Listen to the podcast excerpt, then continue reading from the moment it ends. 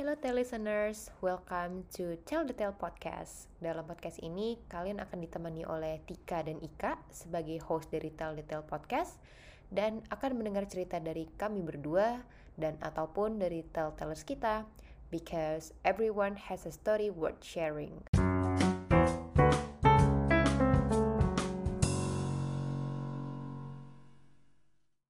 Halo teman-teman learners di luar sana. Akhirnya kita uh, mulai juga episode perdana ya Mbak Ika ya. Iya, betul. Episode perdana kita dengan tamu nih hari ini ya Tik ya. Tamunya agak jauh ya by location, cuman ya iya, ya karena teknologi bisa kita satukan lah ya.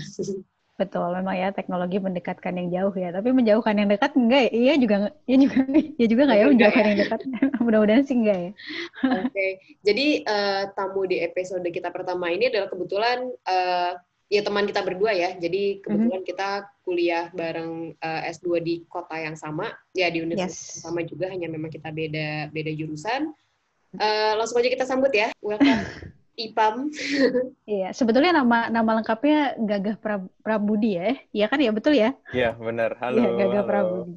Oke, mungkin biar uh, lebih enak uh, silakan IPAM uh, langsung memperkenalkan diri uh, apa ya? Ya kayak biasa kenalan lah uh, cerita aktivitas saat ini, uh, hobi mungkin, apa aja deh boleh. Oke, okay. uh, halo teman-teman, um, nama gue Ipam, uh, gue sekarang di Belanda, jadi memang agak jauh nih dari Tika sama Ika. Uh, dulu kita sama-sama kuliah di di Belanda di Maastricht, tapi sekarang gue kerja di Amsterdam di Belanda di salah satu perusahaan konsultan di Belanda. Uh, hari-hari gue biasanya cuman ini sih sekarang paling ya sepedaan seperti layaknya orang Belanda sama ya pergi-pergi okay. ke taman karena ini mulai panas jadi enak. Oke. Okay. Akhirnya ada Karena... satu lagi hal yang belum lo sebutin deh, bikin sambal enggak? Oh, masih, masih. Masak itu udah bukan hobi lagi, itu udah jadi keseharian. Jadi nggak gue sebutin. Itu mandatori ya? itu mandatori. Jadi, jadi IPAM ini memang dulu uh, paling jago nih bikin sambal dulu. Jadi kalau semua mahasiswa Indonesia di Maastricht dulu nih nggak ada yang nggak doyan deh kayaknya ya sambal buatan IPAM ya. Iya, itu terkenal banget sih. Jadi kayak lo pasti pasti pada tahu kalau tanya orang yang udah ke Maastricht. ah, asik. Oke. Okay.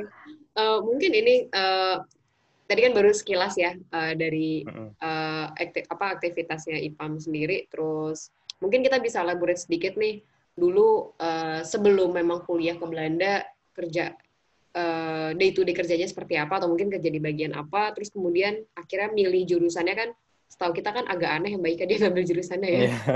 jurusannya agak strange gitu. Mungkin bisa diceritain juga kenapa ngambil jurusan itu dan uh, Nah, balik lagi kalau untuk di role yang sekarang, nama role-nya atau nama profesinya menurut lo sendiri nyebutnya apa sih enaknya dan ngapain sih di di profesi itu gitu? Oke. Okay.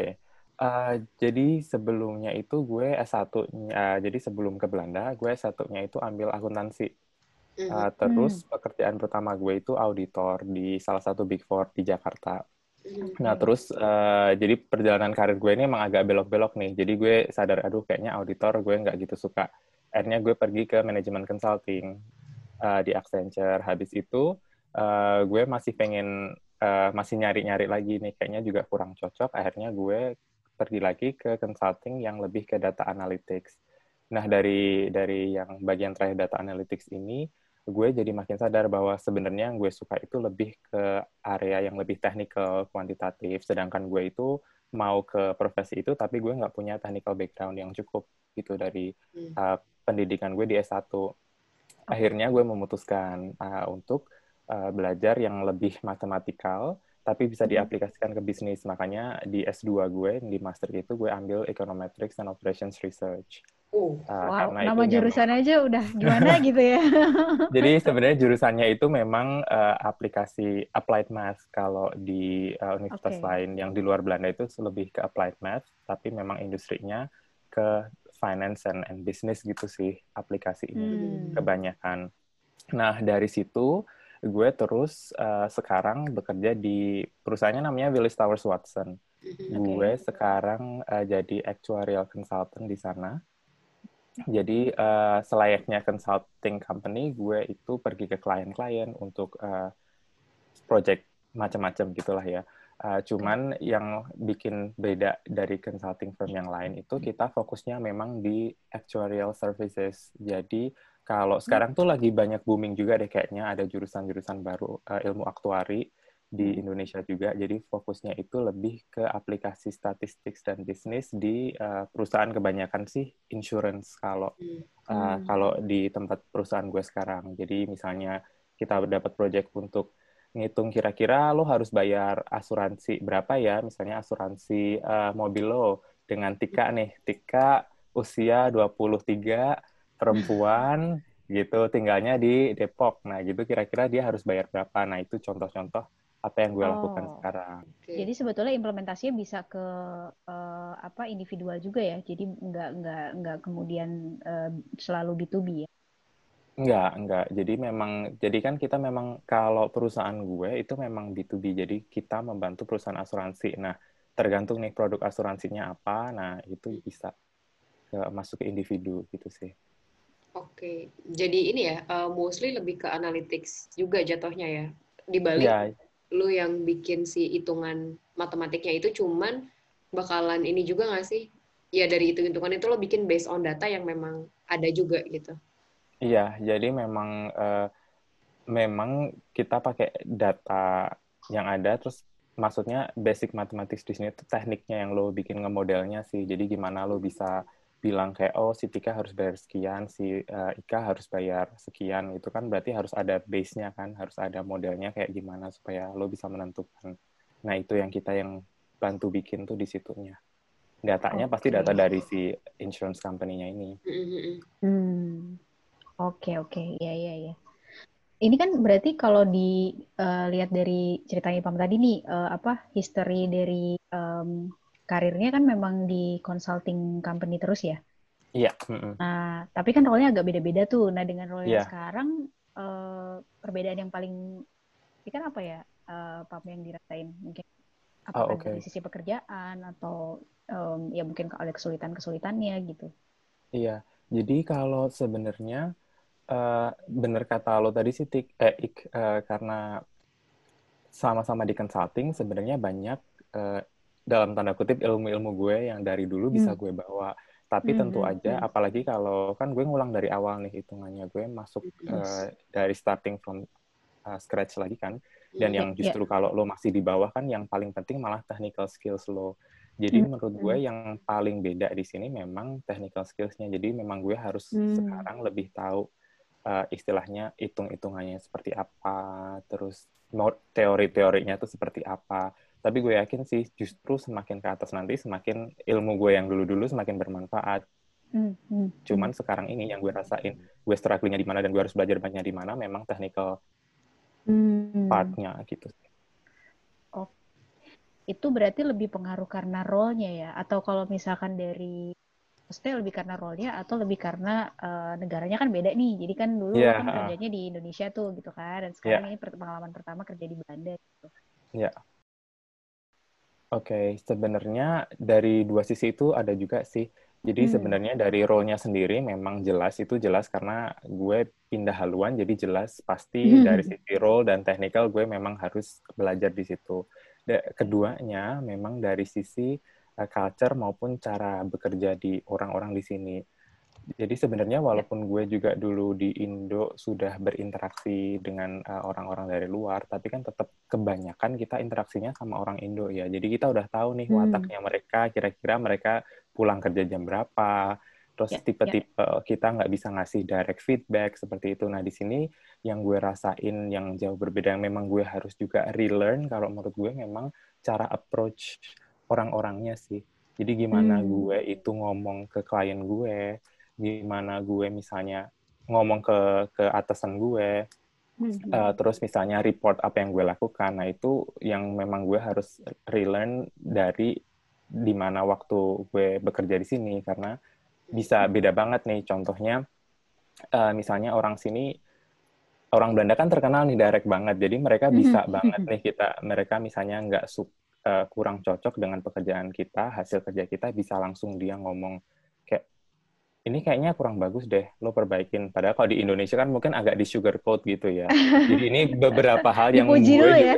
dipuji dulu. Jadi kayak oh udah bagus, tapi mungkin ininya harus seperti ini. Oh di sini nggak model nih. Ya memang mereka fine, maksudnya nggak nggak terus yang kejam gitu, tapi tetap aja direct ya. Ini kurang oke, okay, jadi lo harus perbaikin di sini. Jadi uh, banyak hal-hal yang ha dari sisi communication sih menurut gue yang memang harus gue belajar Oke. Okay.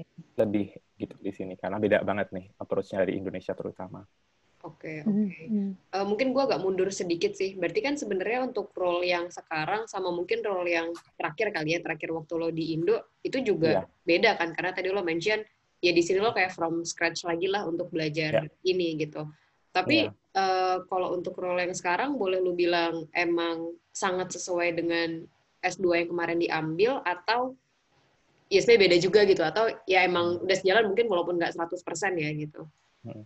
Sebenarnya udah sejalan. Jadi di uh, di jurusan gue itu juga masih ada dibagi-bagi lagi kan sebenarnya kayak subspesialisasinya apa. Sebenarnya ada nih subspesialisasi uh, ilmu aktuari yang yang bisa gue hmm. ambil. Gue sebenarnya nggak ngambil karena gue ngambil yang general. Jadi gue ngambil kayak a bit here and a bit there gitu. Jadi gue tahu nih beberapa halnya gitu. Uh, jadi sebenarnya nyambungnya memang yang bikin gue juga bisa ke sini karena memang gue mereka juga melihat kan ada sebenarnya ada theoretical background gue udah ambil S2 itu jadi harusnya gue bisa. Cuman kan kembali lagi namanya kerja kan pasti ada hal-hal yang yang lo baru pelajarin di pekerjaan kan hal-hal teknis yang lo pelajarin di pekerjaan. Nah, ya. itu yang yang gue bilang tadi yang technical skills yang memang harus gue pelajarin dari awal gitu. Oke, okay, oke. Okay lebih susah survive sekarang di kerja atau pas kuliah, Pak? Lebih susah di kuliah dong. kuliah. kerja mah orang sebenarnya uh, or, yang gue juga beruntung sih sebenarnya uh, yang tadi gue katain orang di sini juga cukup open ya. Jadi kalau misalnya pun kita asalkan sebenarnya menurut gue asalkan kita nggak takut untuk bilang nggak tahu sih. Jadi hmm. menurut gue itu juga yang yang yang gue juga pelajari asal awal-awal kan gue bilang aduh kayaknya gue udah ada experience nih jadi gue agak gengsi kalau misalnya gue bilang kayak gue agak lupa nih kalau misalnya buka Excel tapi gue harus uh, melakukan sesuatu yang menurut hmm. gue itu hmm. Yeah, harusnya yeah. gue tahu nah gue agak gengsi jadinya malah jadi lama gitu padahal hmm, sebenarnya hmm. orang sini kayak fine asalkan kita ya udah nggak usah gengsi orang kita memang bisa nggak tahu ya udah bilang aja nggak tahu toh orang itu akan akan kasih tahu gitu hmm. karena memang secara hmm. istilahnya secara di perusahaan kita paling baru gitu jadi mereka akan expect ya oke okay, okay. lo harus memang belajar gitu oke okay, oke okay. nanti mungkin kita bahas juga misalnya struggle kalau di kantor atau yang emang kehidupan kerjanya kayak gimana cuman ketika kuliah ya hmm. ya gue paham sih lo sangat kesulitan ya dulu yeah. maksudnya gue pengen tahu memang hal apa yang lo bener-bener ngerasa susah banget untuk kuliah dan emang apa apa sih yang benar-benar lo usahakan sampai oke okay, akhirnya gue keluar nih dari lingkaran ini gitu karena okay. uh, karena memang lo berhubungan kan dengan apa yang lo pelajarin di kuliah sama apa yang sekarang hmm. kerjain berarti hmm. boleh dibilang kan berguna nih memang hmm. segala theoretical background itu dan itu juga yang ngebawa lo ke job yang sekarang kan yeah. nah pengen hmm. tahu sih struggle-nya waktu kuliah emang apa sih yang lo lakuin waktu itu oke okay. uh, struggle yang kuliah itu yang yang mau gue point out di sini juga karena memang uh, beda istilahnya kayak waktu gue ke sini juga pasti ada prerequisite-nya kan. Jadi yeah. lo nggak mungkin bisa masuk jurusan ini kalau misalnya lo belum melakukan beberapa mata kuliah yang memang harus lo ambil. Nah, tapi ternyata memang yang gue nggak tahu dan uh, university ternyata juga nggak tahu itu memang ada beda level nih ketika gue ngomong kalau oh, gue udah ngambil statistik 1, 2, 3 ternyata di sini beda level statistiknya. Nah itu yang membuat jadi itu memang struggle utamanya sebenarnya di situ. Jadi dasar gue istilahnya kalau misalnya lo dan kebanyakan teman-teman gue itu memang dari univers S1-nya ngambil dari kuliah jurusan yang sama di universitas yang sama. Jadi mereka itu hmm. misalnya lo mau sprint, mereka udah 100 meter di depan lo masih di titik nol. Padahal sprintnya 150 meter. Jadi lo memang harus usaha dua kali lipat gitu kan istilahnya. Uh, waktu itu gue sih cuma kepikirannya gue udah nggak mungkin mundur nih karena gue udah nyampe dan gue nggak bisa karena memang gue hmm. banyak ada beberapa ikatan yang membuat gue tidak bisa untuk uh, tiba-tiba untuk pulang dan yeah, sebenarnya yeah. gue juga ketika gue pelajari sebenarnya gue tuh suka cuman memang gue harus extra effort gitu sih yeah, yeah. Uh, itu yang terus ada di pikiran gue dan sebenarnya gue juga udah cukup uh, di tengah-tengah itu agak agak down karena memang susah banget kan ngikutin pace-nya antara uh, teman-teman gue, pelajaran gue. Hmm. Tapi akhirnya balik lagi sih gue uh, setelah ngobrol sama orang-orang gitu juga asalkan jalanin satu-satu dulu sih kalau gue sih jalanin satu-satu pasti entar nyampe juga istilahnya seperti itu jadi misalnya nih gue harus hmm. uh, mempelajari ilmu A tapi sebelum ilmu A itu gue harus tahu ilmu Z sama Y. Ya udah gue mulai dari Z sama Y dulu. Hanya entaran dulu nggak apa-apa. Yang penting gue paham dulu baru ntar ngejar yang berikutnya. Jadi gue hmm. berusaha membreakdown ke belakang sih apa yang gue kurang baru ntar uh, di tackle yang di depan gitu Oke, okay, okay. berarti mempelajari sesuatu yang disuka aja juga effortnya masih banyak ya sebenarnya. Iya, hmm. tapi sebenarnya sih kalau menurut gue kalau sebenarnya itu yang paling penting sih kalau lo memang suka, sebenarnya lo akan ya udah eh, lo akan ada istilahnya ada fuel untuk si effort ini gitu loh. Kalau misalnya lo udah nggak suka, pasti males sih untuk ya ngapain sih gue ya pasti ya udah ya udah ganti aja atau nyerah aja gitu. Ya justru karena suka itu ya jadi apa ya tantangan apa pun atau kesulitan apa pun ya akhirnya dijalanin aja gitu ya Pam ya. Iya. Hmm. Tapi lu sampai pada akhirnya menemukan ya karena buat gue nih jurusannya cukup spesifik dan unik ya. Hmm. Um, emang lu dari awal juga udah tahu ini jurusan sesuai banget dengan yang lo suka atau ada proses khusus yang misalnya lo banyak ngobrol sama orang dari mana gitu makanya lo uh-uh. bisa tahu bisa bisa figure out kalau oh ada lo jurusan ini yang kayaknya gue akan suka nih gitu nah proses sampai akhirnya lo menemukan si jurusan ini juga gimana dulu oke okay.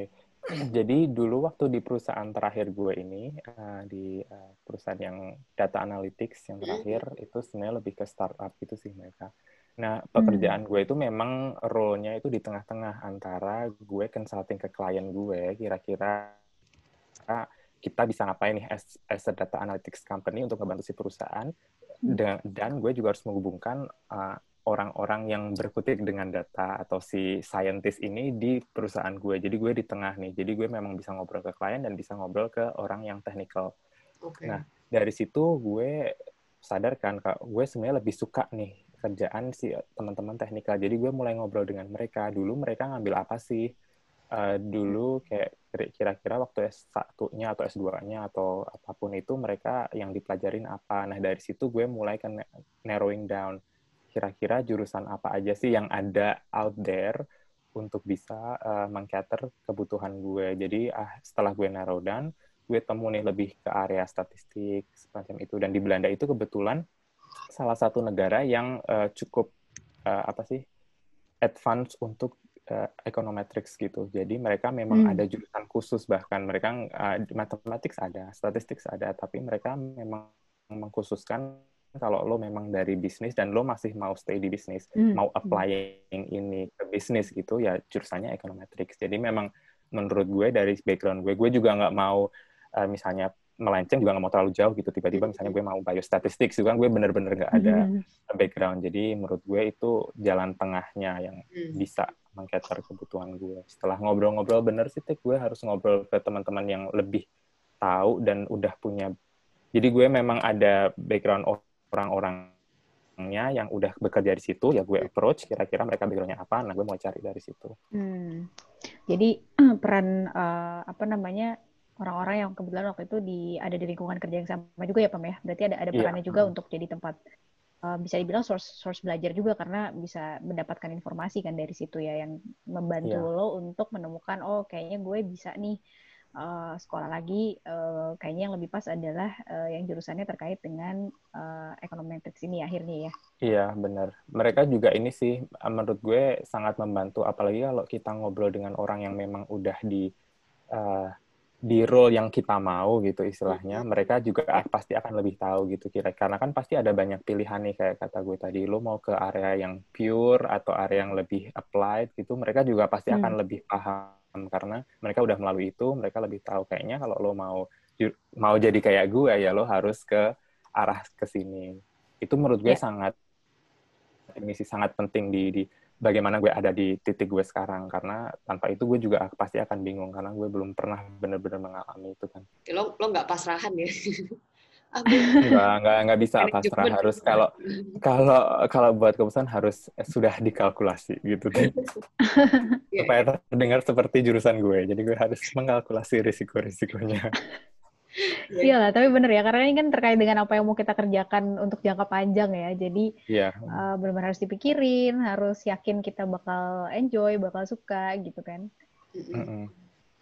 Dapat sih poinnya, maksud gue karena um, ya minat kita kan emang bisa jadi di banyak banyak apa ya banyak area kan soalnya sebenarnya yeah, yeah. dan ternyata lu menurut gue sih uh, lu berhasil menemukan si ya benang merahnya itu at least untuk sekarang lu tahu si benang merahnya itu walaupun ke depannya nanti ya teknologinya juga berkembang mungkin teorinya juga yeah. akan berkembang bisa jadi lu entah ke hal yang lebih spesifik atau mungkin ada hal baru lagi gitu cuman yeah. at, untuk sekarang uh, lu bisa menemukan jalan tengah yang emang bener-bener pas buat lo ya Ya, benar.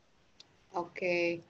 Uh, eh, kalau mungkin berkaitan sama dengan sekarang di dunia kerja atau mungkin bisa diambil pelajarannya juga dari yang sebelumnya, apa aja sih yang memang selalu lo lakuin ya bisa jadi sebagai proses belajar atau mungkin simply untuk kayak selama ini tuh gue survive karena gue punya punya sifat ini atau karena gue ngelakuin ini deh gitu.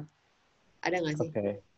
Uh, eh, iya sih. Um, paling gue juga uh, dengar ini dari beberapa orang, jadi kayak gue sudah mengconfirm ini. Sebenarnya yang menurut gue paling penting itu satu yang gue juga lakuin itu uh, mau untuk embrace something new sih. Karena yang kita tahu sekarang hmm. teknologi itu pasti kembang terus ilmu itu juga pasti ada aja yang baru. Jadi kalau kita stuck misalnya kita tahu nih uh, kita tahu paling gampang nih kita tahu Excel.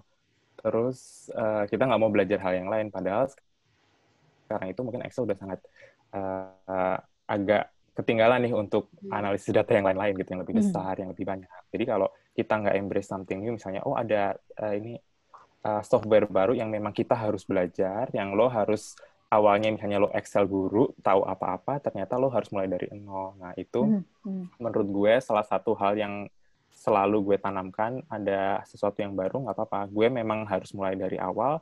Yang penting gue mengikuti itu dan itu yang menurut gue bisa membuat gue survive. Jadi dari sisi gue sendiri gue menambah skill gue dari sisi orang yang ngeliat pun mereka juga bisa tahu kan bahwa oh si orang ini memang uh, mau untuk belajar. Dan biasanya menurut gue sih orang-orang pasti akan suka melihat orang tuh yang mau terus belajar.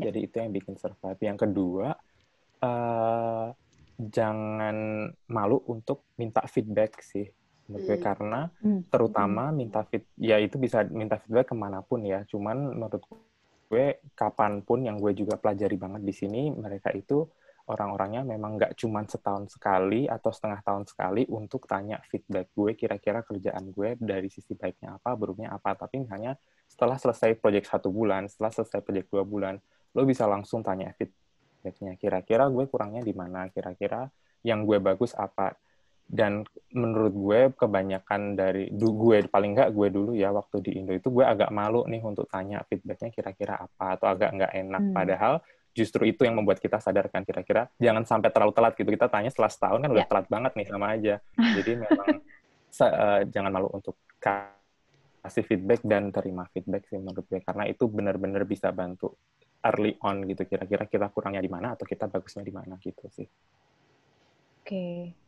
Wah, ini menarik banget ya. Jadi uh, sebetulnya kalau dilihat dari insight yang Ipam barusan share itu uh, faktornya sebetulnya dua ya tadi. Uh, apa namanya? Yang yang yang jelas harus kita harus terus uh, keep up dengan apa yang berubah, apa yang baru gitu kan, sama yeah. Ya. uh, apa namanya menerima dan juga uh, menerima feedback dan mungkin kita aktif kali ya mencari feedback. Yeah. Dan ini pasti eh, nggak uh, tahu sih mungkin kalau dari ceritanya Ipam sangat pengaruh juga dengan uh, tadi ya salah satu pengalaman baru yang justru Ipam uh, buka pintu ini untuk untuk untuk lo sendiri itu adalah kesempatan untuk belajar dan sekarang kerja di negara lain. Mungkin itu salah satu yeah. yang akhirnya kemudian uh, berkembang tuh ke apa namanya um, mempelajari culture-culture baru lagi yang ternyata juga bisa mengupgrade uh, skill lo juga ya Pam. Iya benar banget. Pam, tapi lu pernah stuck gak sih? Kayak capek sih belajar kayak gini. Atau kayak uh, ya maksudnya paham banget sih apalagi kalau berkaitan sama teknikal atau teknologi emang nggak akan ada habisnya kan dan lu emang harus Iya. punya waktu tersendiri buat belajar. Pertama tadi lu pernah stuck atau enggak kedua lu kapan belajarnya? Iya. Jadi sebenarnya Ti kalau em, kalau merasa stuck itu pasti ada aja lah ya kita kayak ya elah ini udah misalnya nih gue awal-awal ini kan gini gue sebenarnya kerja eh, baru setahunan nih di Belanda kan Hmm. gue mulai kayak awal September tahun lalu jadi benar-benar hampir setahun jadi misalnya awal-awal gue dapat project yang mengharuskan gue pakai software A Hmm. Terus setelah beberapa bulan gue udah mahir nih, udah yakin kalau gue dapat project baru dengan uh, software ini gue bisa banget cepet. Ternyata gue di-assign untuk project baru yang pakai software B yang beda banget. Gue benar-benar belum pernah buka. Jadi gue harus belajar lagi. Sekarang juga males, tapi setelah gue pikir-pikir, justru di tahun-tahun awal itu gue bound to make mistake gitu. Jadi kalau Hmm. gue lama kerjanya, gue masih salah-salah, itu malah justru malah dimaklumin gitu. Karena gue memang baru dan memang gue harus belajar. Jadi menurut gue malah justru gue manfaatin sih. Ya udah, Hmm. justru gue se- belajar sebanyak mungkin, bikin salah sebanyak mungkin supaya besok-besok gue udah nggak bikin kesalahan istilahnya kesalahan pemula gitu. Ketika gue udah semakin lama. Hmm. Nah, masalah belajar itu ini juga sih karena kalau sebagai aktuari itu harus terus belajar istilahnya gue itu sekarang masih ambil sertifikasi. Hmm. Uh, jadi gue ngambil kayak istilahnya tes yang gue harus belajar. Uh, jadi kalau gue hitung ini sebenarnya bisa range waktunya beberapa tahun karena gue harus lulus itu untuk menjadi certified aktuari. Jadi itu Hmm. istilahnya udah menjadi hal yang wajib sih kalau lo memang mau di industri ini ya memang lo harus keep up dengan belajar terus. Jadi menurut gue itu udah nggak perlu ditanyain lagi untuk kayak lo capek? Ya memang capek tapi memang harus karena ilmunya berubah terus jadi aturannya berubah terus. Terus pasti model itu akan ada baru yang menemukan yang baru. Jadi lo memang harus keep up dengan itu. Kalau enggak ya memang lo bisa jadi ini aja sih paling ya istilahnya orang yang melakukan hal admin yang klik sana klik sini tapi lo akan stuck di situ. Jadi sebenarnya balik ke pilihan lo sih. Kalau lo sebenarnya bisa lo survive tanpa belajar lagi tapi tapi ya memang lo akan stuck di situ ya lo milih stuck belajar dan memulai lagi besoknya atau lo stuck di situ terus terus terusan sih Oke, oke. Hmm. Ya, ya. Balik lagi tuh pilihan ya dan eh, ya pilihan lo kalau memang untuk maju ya caranya tadi salah satunya dengan belajar si certification tadi juga berarti ya.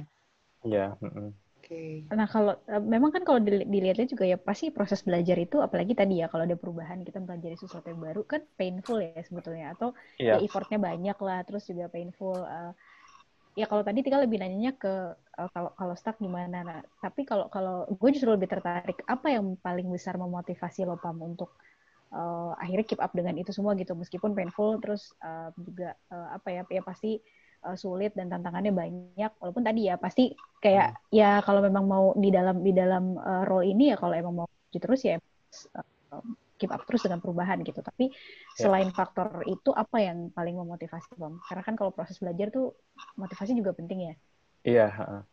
Kalau dari sisi gue, bener kata lo tadi, selain ya memang kalau lo mau advance di karir ini, ini salah satu prerequisite-nya. Kedua, memang gue sebenarnya suka banget. Jadi memang gue Hmm. penting banget, makanya gue selalu bilang penting banget bahwa gue suka apa yang gue pelajarin karena memang itu yang memotivasi gue. Gue tuh suka ngeliat rumus, gue tuh suka mem- me- apa ya kayak belajar yang apa gue pelajari sekarang. Jadi meluangkan waktu Oke. setelah bekerja untuk belajar itu gue seneng banget. Jadi itu sih menurut gue yang yang terus memotivasi gue. Jadi gue kadang-kadang bahkan kalau misalnya gue liburan dan gue nggak bawa nih materi belajar gue karena saking setiap harinya itu gue bisa kayak ini, kayaknya ada yang kurang nih gue ngapain ya ini hari ini gitu. Luar Oke, biasa. oke. biasa. Ini baru pertama kali loh gue dengar yang sangat passionate dengan angka gitu ya. Rumus bahkan ya. Suka banget gitu. Oke oke ya itu itu juga itu juga pesan penting sih karena pasti buat learners di luar sana juga em, apa namanya ya dari dulu kan kita selalu diingetin ya oh ya kita harus eh, ya kerja sesuai passion mengerjakan sesuatu dengan sesuai dengan apa yang kita suka tapi ternyata memang implementasinya aplikasinya memang betul ya harus harus eh, Ya. semakin kita suka ketika kita lagi demotivasi itu lebih lebih mudah untuk naikin lagi motivasinya karena kita suka ngejalanin apa yang kita jalanin gitu ya Iya, mm-mm. Setuju, setuju. Hanya mungkin memang kan uh, stage-nya orang-orang juga pasti akan beda-beda ya. Gue juga nangkep soalnya um, paham nggak semua orang udah di stage kayak Ipam yang udah tahu dia dia apa yang dia suka. Jadi ya, makanya ya, dia bisa mempelajari itu pun dengan segala kesenangannya dia sampai kalau liburan pun kepikiran gitu kan. Nah mungkin yeah. buat teman-teman learners di luar sana yang mungkin stage-nya belum nyampe gue tahu apa yang mau gue kerjain juga bukan berarti nggak ada yang bisa dilakuin kan gitu. Yes. mungkin kita bisa ngelakuin apa yang kayak Ipam lakuin. Ketika dulunya misalnya ya gue backgroundnya ekonomi dulu, terus gue kerja sempat di auditor bahkan gitu kan. Yeah. Hmm. Kemudian di manajemen konsultan dan ternyata yang Ipam lakuin adalah menggabungkan semua apa yang dia punya minat dan um, dengan orang-orang yang juga udah belajar lebih lanjut gitu. Karena yeah.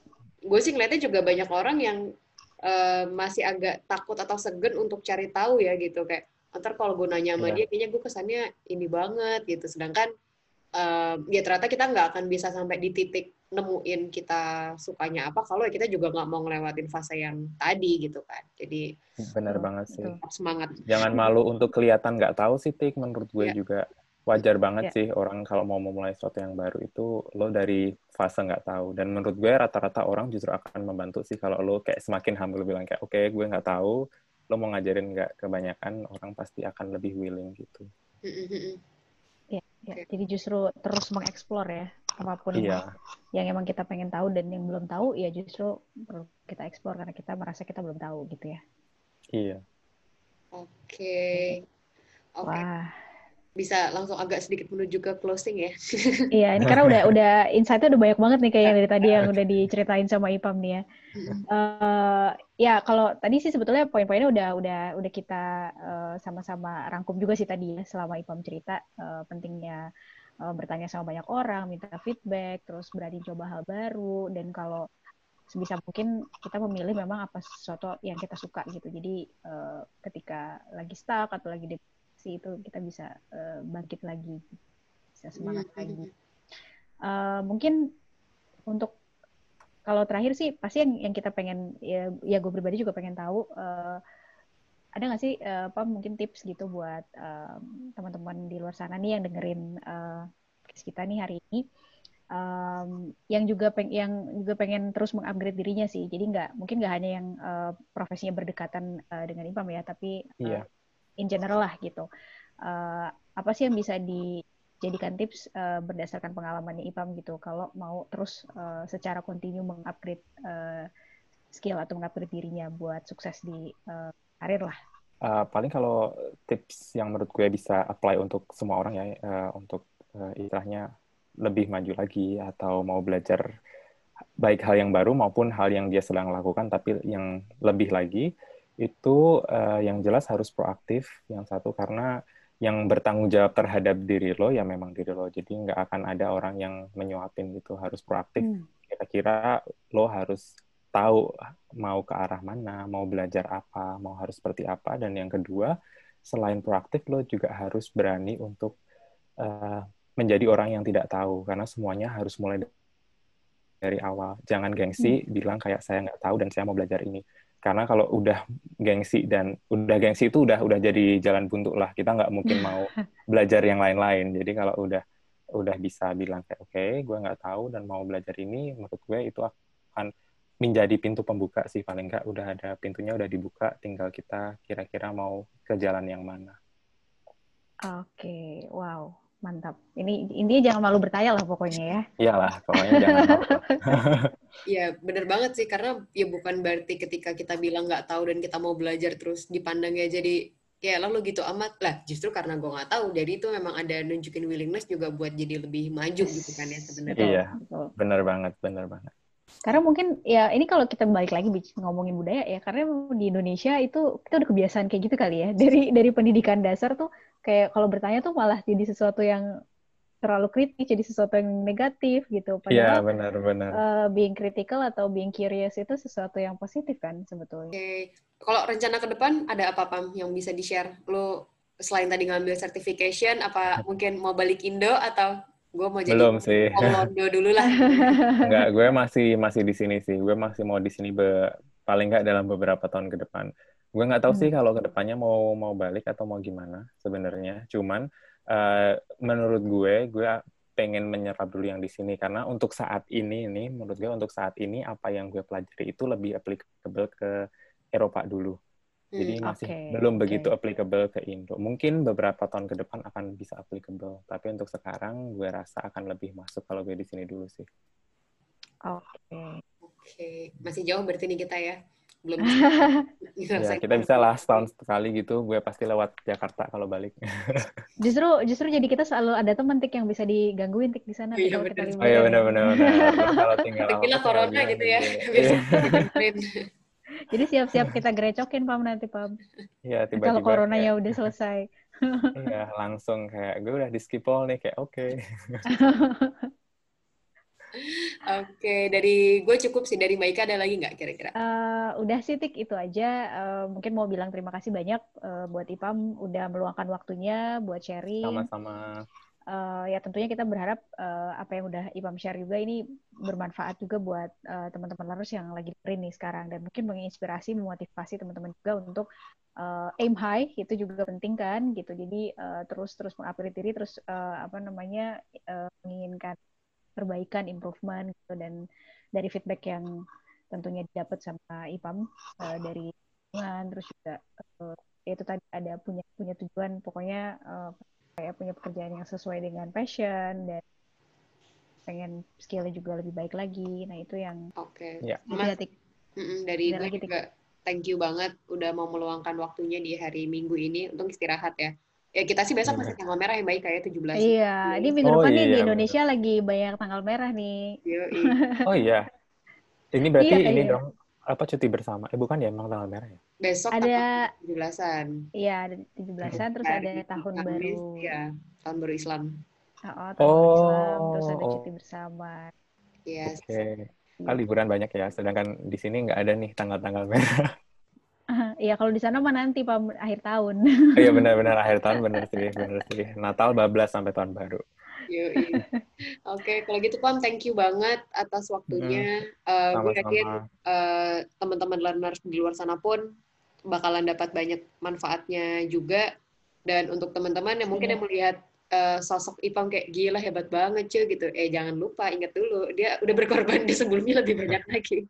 Jadi jangan ngelihat yang sekarangnya doang gitu ya, ya. dulu effortnya juga gede banget banget gue kalau lu ngomongin dulu angka-angkaan kayak kita kagak ada yang ngerti rumus apa yang gitu karena memang effortnya partnya dari situ juga oke okay. uh, eh, teman-teman untuk teman-teman learners yang lagi dengerin podcast kita untuk lihat uh, schedule ataupun update dari apa pun konten kita jangan lupa follow Instagram kita di @tel.id pokoknya kita akan update di situ terus yang baik kayak untuk yes. semua guest kita ataupun topik-topik yang juga lagi mau kita bahas gitu. Ya, dan Jadi, kalau teman-teman learners juga ada yang mau misalnya nih saran, oke oh, ya seru nih bahas topik ini atau oke okay, seru nih undang uh, uh, si orang ini menjadi guest gitu. Itu kita terbuka banget ya, Tik ya. Boleh banget, langsung put di komen aja nanti ya. Oke. Okay. Oke deh, sampai ketemu di episode berikutnya. Bye bye. Thank you Ipam. Thank you. Thank you.